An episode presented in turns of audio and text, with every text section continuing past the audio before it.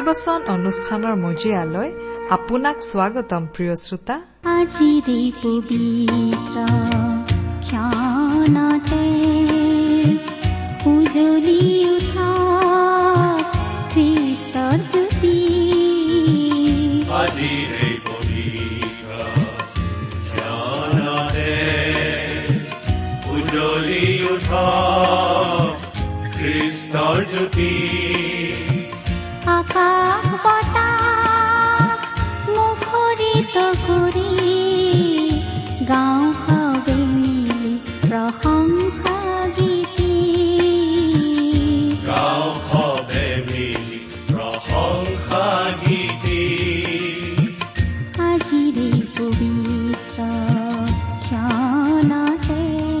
প্ৰিয় শ্ৰোতা ভক্তিবচন অনুষ্ঠানৰ আজিৰ এই নতুন কাৰ্যসূচীত আপোনাক আকৌ লগ পোৱাৰ বাবে ধন্যবাদ।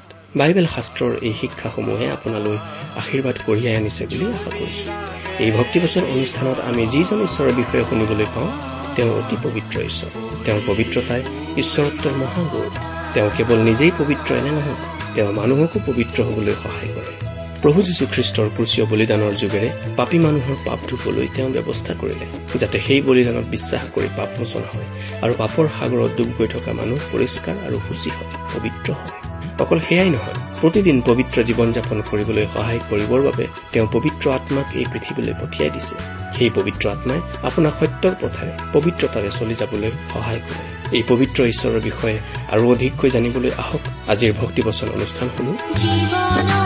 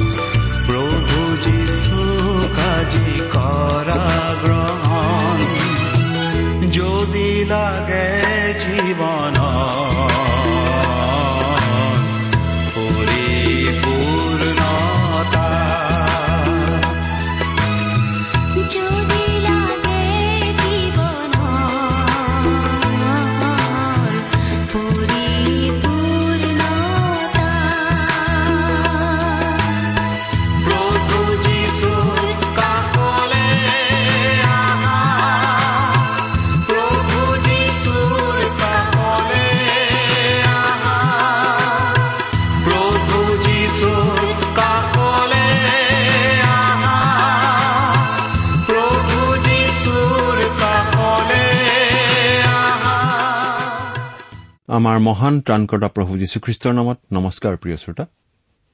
আশা কৰো পৰম পিতা পৰমেশ্বৰৰ মহান অনুগ্ৰহত আপুনি ভালে কুশলে আছে। আপুনি আমাৰ এই ভক্তিবচন অনুষ্ঠানটো নিয়মিতভাৱে শুনি আছে বুলিও আমি আশা কৰিছো। এই অনুষ্ঠান শুনি আপুনি কেনে পাইছে বাৰু? আমাৰ শ্ৰোতাসকলৰ কিবা মংগল হওক বুলিয়েই আমি অতি যত্নেৰে এই অনুষ্ঠান প্ৰস্তুত কৰো। আৰু সেইবাবেই আপোনালোকৰ পৰা চিঠি পত্ৰ পাবলৈ আমি আশাৰে বাট চাওঁ। আৰু আমালৈ চিঠি লিখিবলৈ আমি অনুৰোধ জনাওঁ। অনুৰোধ কৰি আমি আপোনালোকক বাৰে বাৰে সোঁৱৰাই থাকো যে আমি আপোনালোকৰ চিঠি পত্ৰলৈ কিমান হাবিয়াস কৰো। আহকচোন সদায় কৰি অহাৰ নিচিনাকৈ আজিও ছুটিকৈ প্ৰাৰ্থনা কৰো বাইবেল অধ্যয়নৰ আগে আগে। স্বৰ্গত থকা দয়ালু পিতৃ ঈশ্বৰ তোমাক ধন্যবাদ দিওঁ কাৰণ তুমি আমাক আকৌ এটা নতুন দিন দেখিবলৈ দিলা আৰু তোমাৰ বাক্য অধ্যয়ন কৰিবলৈ আমাক আকৌ এটা সুযোগ দিলা। তোমাৰ বাক্যৰ নিগূঢ় তত্ব বুজাই দিয়াৰ যোগ্যতা আমাৰ নাই। সেই সামৰ্থ্য আমাৰ নাই। তোমাৰ বাক্য তুমিয়েই আমাক বুজাই দিয়া। আমাৰ প্ৰয়োজন অনুসাৰে তুমিয়েই আমাৰ প্ৰত্যেককে কথা কোৱা। কিয়নো এই প্ৰাৰ্থনা আমাৰ মহান ত্ৰাণকৰ্তা মৃত্যুঞ্জয়ী প্ৰভু যীশুখ্ৰীষ্টৰ নামত আগবঢ়াইছো। আহমেন।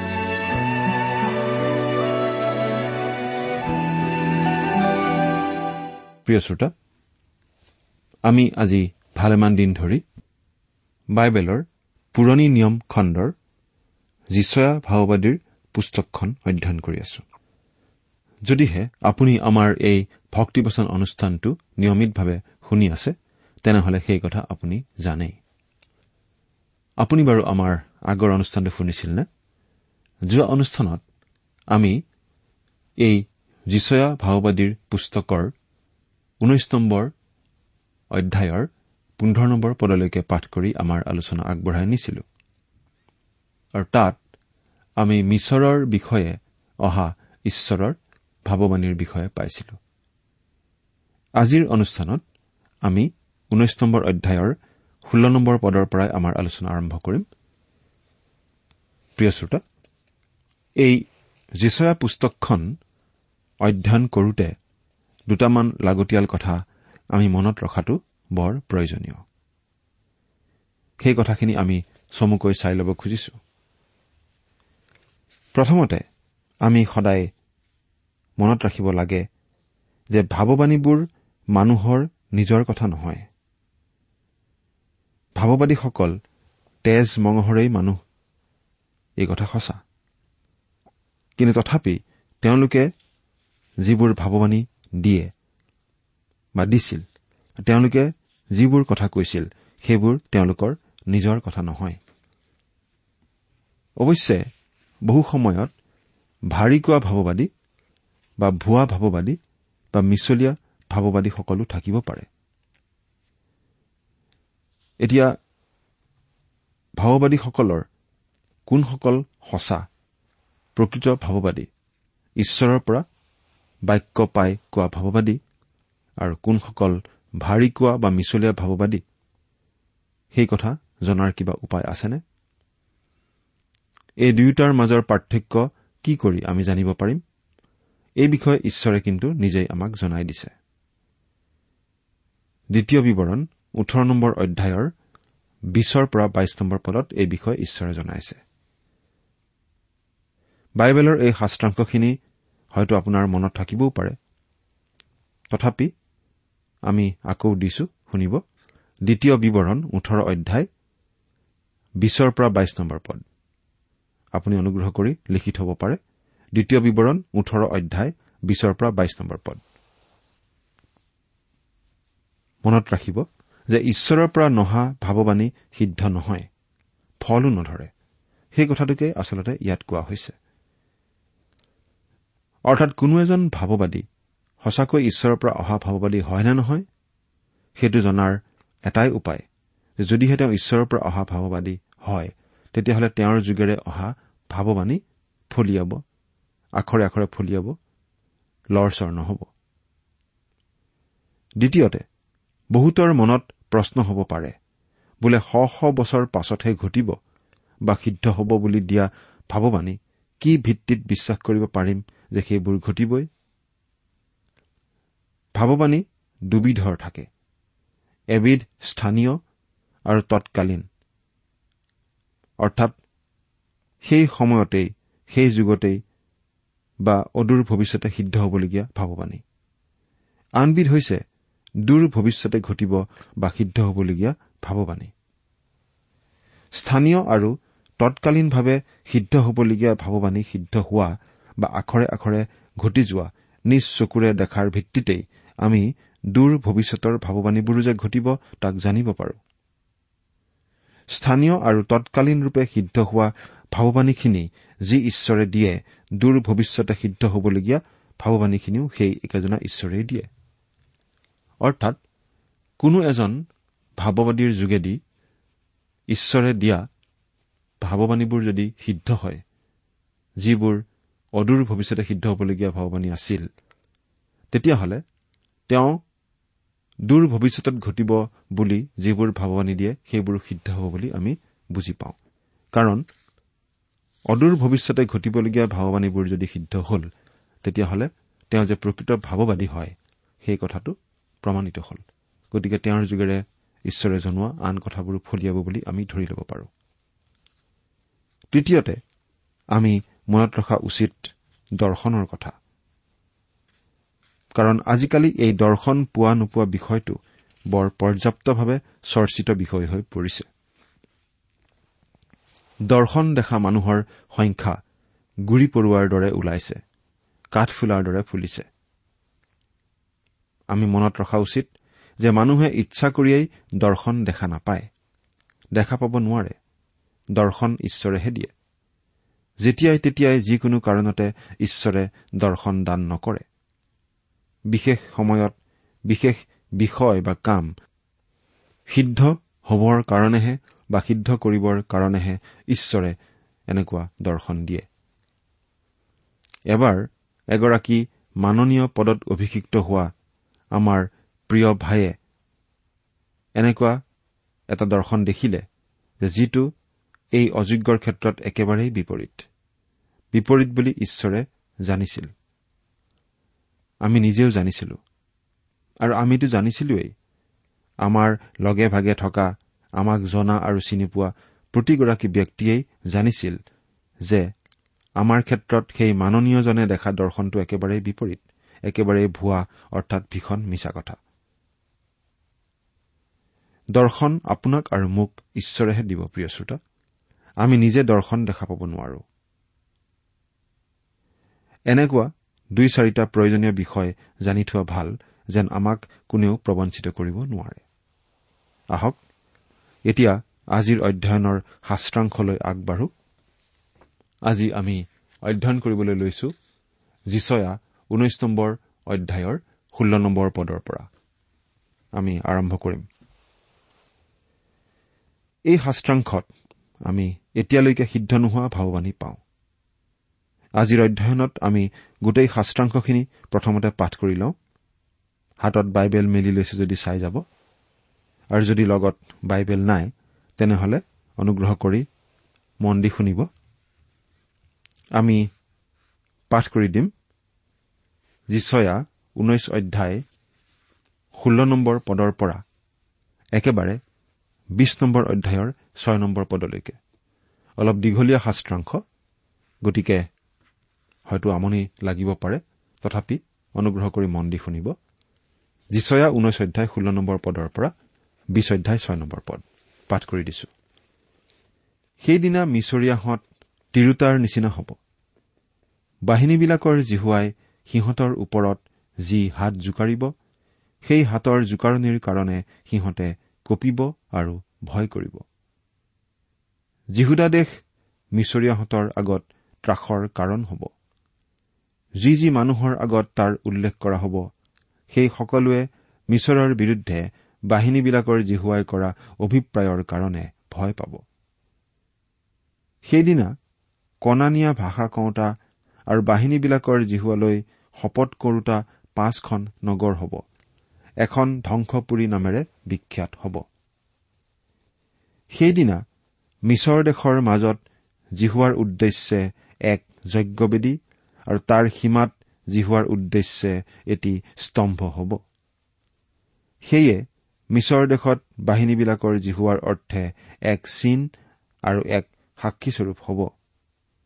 কিয়নো তেওঁবিলাকে উপদ্ৰৱকাৰীবিলাকৰ কাৰণে জিহুৱাৰ আগত কাটৰোক্তি কৰিব। তেতিয়া তেওঁ তেওঁবিলাকৰ ওচৰলৈ এজন ত্ৰাণকৰ্তা বীৰ পঠাই দিব আৰু তেওঁ তেওঁবিলাকক উদ্ধাৰ কৰিব। আৰু জিহুৱা মিছৰৰ আগত পৰিচিত হ'ব। আৰু মিছৰীয়াবিলাকে জিহুৱাক সেইদিনা জানিব এনেকি তেওঁবিলাকে বলিদান আৰু নৈবেদ্যৰ দ্বাৰাই তেওঁৰ আৰাধনা কৰিব। আৰু জিহুৱাৰ উদ্দেশ্যে সংকল্প কৰিব আৰু সিদ্ধও কৰিব। আৰু জিহুৱাই মিছৰক প্ৰহাৰ কৰিব আৰু প্ৰহাৰ কৰি সুস্থ কৰিব। তেওঁবিলাকে জিহুৱালৈ পালতিব তাতে তেওঁ তেওঁবিলাকৰ নিবেদন গ্ৰহণ কৰি তেওঁবিলাকক সুস্থ কৰিব। সেইদিনা মিছৰ দেশৰ পৰা অচুৰলৈ এটি ৰাজ আলি হ'ব তাতে অচুৰীয়া লোকে মিছৰলৈ আৰু মিছৰীয়া লোকে অচুৰলৈ অহা যোৱা কৰিব। আৰু মিছৰীয়াবিলাকে অচুৰীয়াবিলাকৰ লগত আৰাধনা কৰিব। সেইদিনা ইছৰাইল মিছৰ আৰু অচুৰৰ লগত তৃতীয় হৈ পৃথিৱীৰ মাজত আশীৰ্বাদপ্ৰাপ্ত হ'ব। কিয়নো বাহিনীবিলাকৰ জিহুৱাই তেওঁবিলাকক আশীৰ্বাদ দি কব মোৰ প্ৰজা মিছৰ মোৰ হাতে কৰা অচুৰ আৰু মোৰ আধিপত্য ইছৰাইল আশীৰ্বাদপ্ৰাপ্ত হওক। অচুৰৰ স্বৰ্গুণ ৰজাই তৰ্তনক পঠোৱাত তেওঁ যি বছৰত অছদোদলৈ আহি তাৰ বিৰুদ্ধে যুদ্ধ কৰি তাক ললে। সেই সময়ত আমোচৰ পুত্ৰ যিচয়াৰ দ্বাৰাই জিহুৱাই কলে যোৱা তোমাৰ কঁকালৰ পৰা চট কাপোৰ গুচোৱা আৰু তোমাৰ ভৰিৰ পৰা জোতা সুলুকোৱা তাতে তেওঁ সেইদৰে কৰি উদং গাৰে আৰু সুদা ভৰিৰে ফুৰিব ধৰিলে। পাছে জিহুৱাই কলে যেনেকৈ মোৰ দাস যিচয়াই মিছৰ আৰু কোচ বিষয়ক এক চিন আৰু অদ্ভুত লক্ষণস্বৰূপে উদং গাৰে আৰু সুদা ভৰিৰে তিনি বছৰলৈকে ফুৰিলে সেইদৰে অচুৰৰ ৰজাই মিছৰৰ লাজৰ নিমিত্তে উদং গাৰে সুদা ভৰিৰে আৰু অনাবৃত টীকাৰে ডেকা হওক বা বুঢ়া হওক মিছৰীয়া লোকক বন্দী কৰি আৰু কুচীয়া লোকক দেশান্তৰ কৰি লৈ যাব। তাতে লোকবিলাকে নিজৰ আশাভূমি কোচৰ আৰু নিজৰ গৌৰৱস্থল মিছৰৰ কাৰণে বিহ্বল হৈ লজ্জিত হ'ব। সেইদিনা সাগৰৰ দাঁতিৰ এই দেশ নিবাসীয়ে কব চোৱা ওচৰীয়া ৰজাৰ পৰা উদ্ধাৰ পাবৰ কাৰণে সহায়ৰ অৰ্থে যলৈ আমি পলাই গৈছিলো আমাৰ সেই আশাভূমিৰে এনে দশা। তেন্তে আমি নিজে কেনেকৈ ৰক্ষা পাম? আমি অলপ আগতেই কৈ আহিছো যে এই শাস্ত্ৰাংশৰ ভাৱবাণীখিনি এনে ভাৱবাণী যিখিনি কেতিয়াও সিদ্ধ হোৱা নাই কিন্তু এদিন সিদ্ধ হ'ব।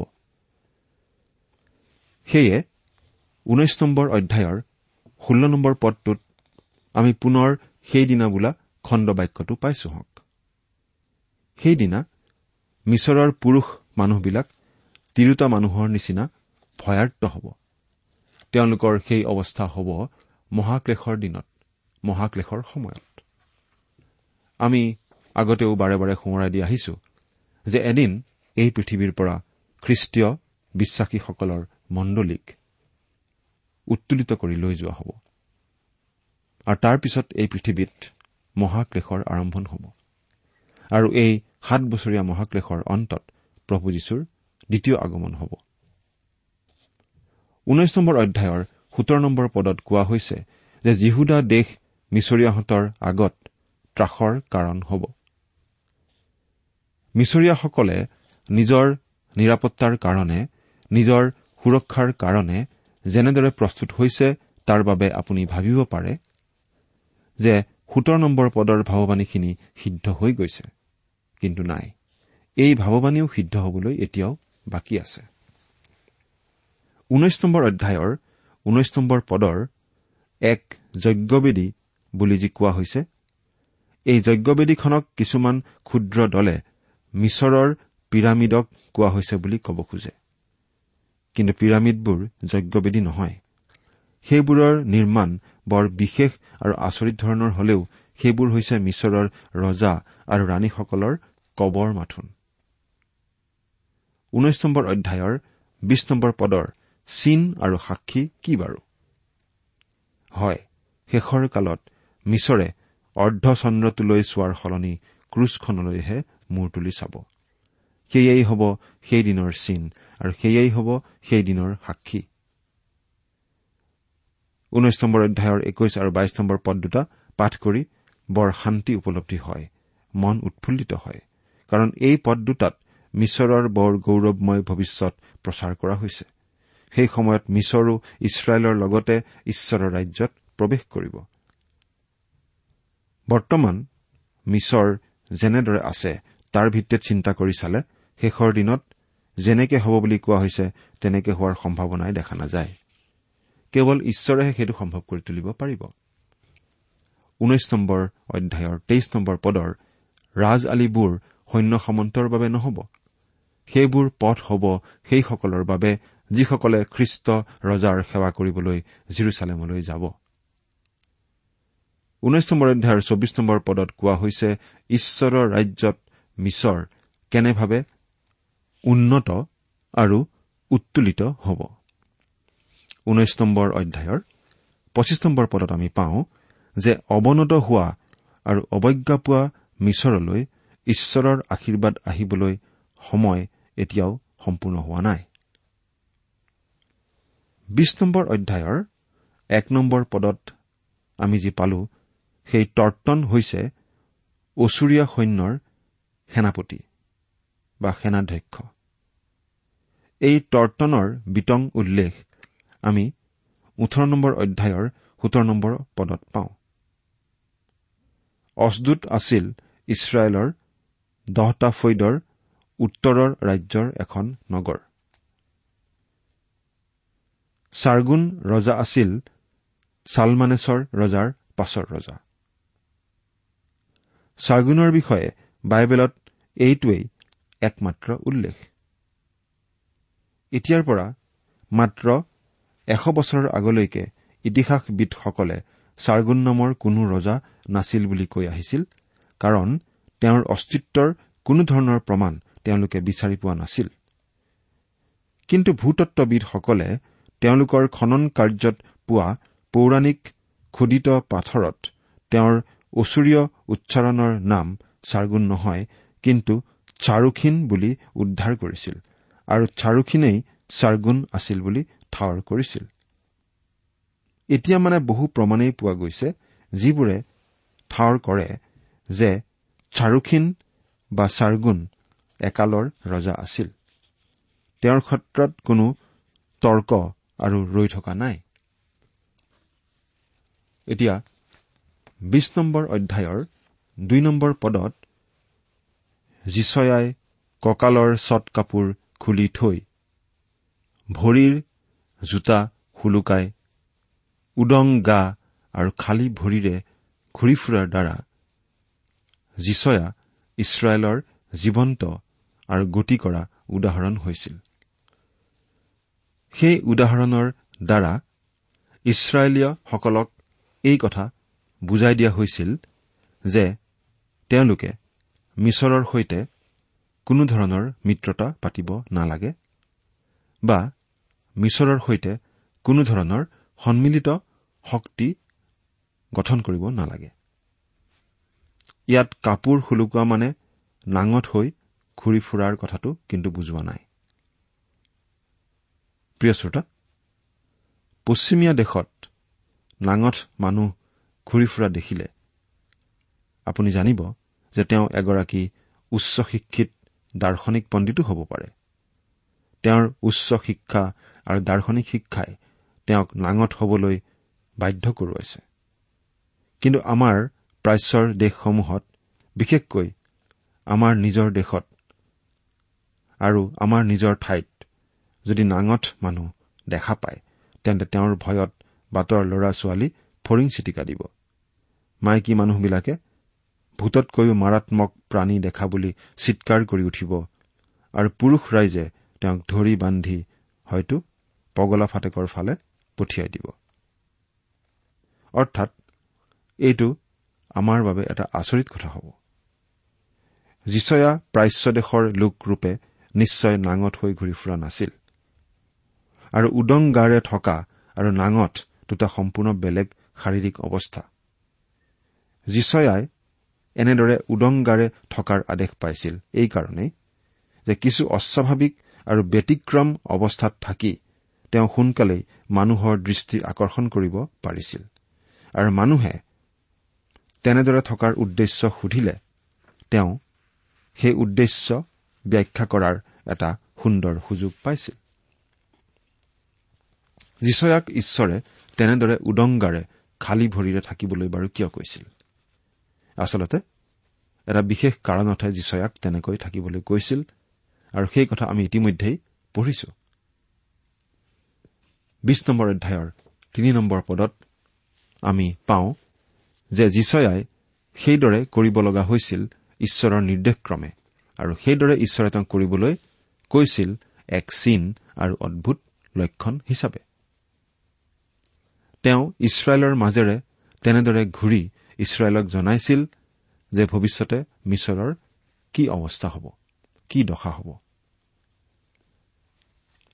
তেওঁ যেনেদৰে উদংগাৰে তেনেদৰে ঘূৰি ফুৰিছে ঠিক একে অৱস্থা মিছৰৰ লোকবিলাকৰো হ'ব।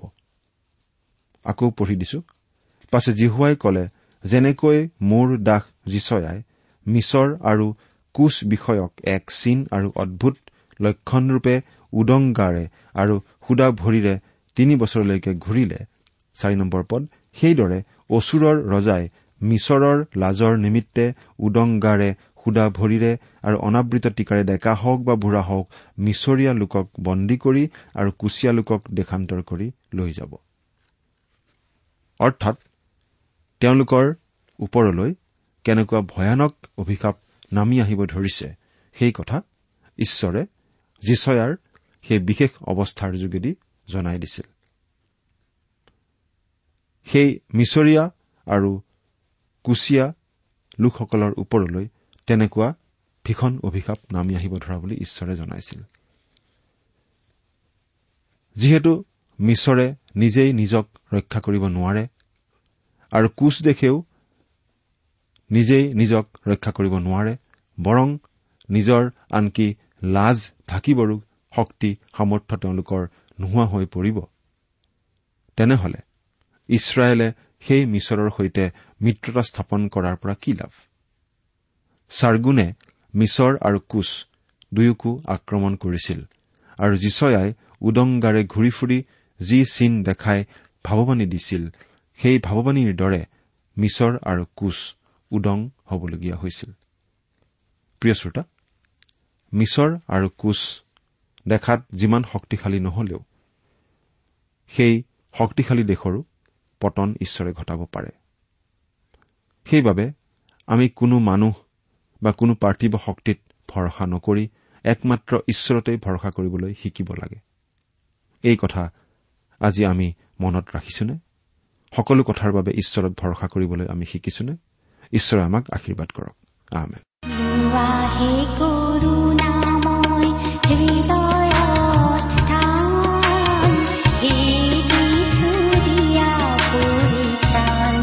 ইমান পৰে আপুনি?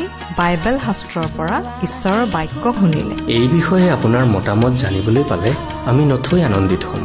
আমি প্ৰস্তুত কৰা বাইবেল অধ্যয়নৰ চিডিসমূহ পাব বিচাৰিলে আৰু অনুষ্ঠানত প্ৰচাৰ কৰা কোনো কথা বুজিব লগা থাকিলেও আমালৈ লিখক আমাৰ যোগাযোগৰ ঠিকনা ভক্তিবচন ট্ৰান্সৱৰ্ল্ড ৰেডিঅ' ইণ্ডিয়া ডাক বাকচ নম্বৰ সাত শূন্য গুৱাহাটী সাত আঠ এক শূন্য শূন্য এক। ঠিকনাটো আকৌ এবাৰ কৈছো ভক্তিবচন ট্ৰান্সৱৰ্ল্ড ৰেডিঅ' ইণ্ডিয়া ডাক বাকচ নম্বৰ সাত শূন্য গুৱাহাটী সাত আঠ এক শূন্য শূন্য এক। আমাৰ ইমেইল এড্ৰেছটো হৈছে Assamese T TV at the rate radio' eight eight two dot com. আমাৰ website W W W dot T W R dot in. আপুনি টেলিফোনৰ মাধ্যমেৰেও আমাক যোগাযোগ কৰিব পাৰে। আমাৰ টেলিফোন নম্বৰটো হৈছে nine eight five four zero' four zero' eight eight nine.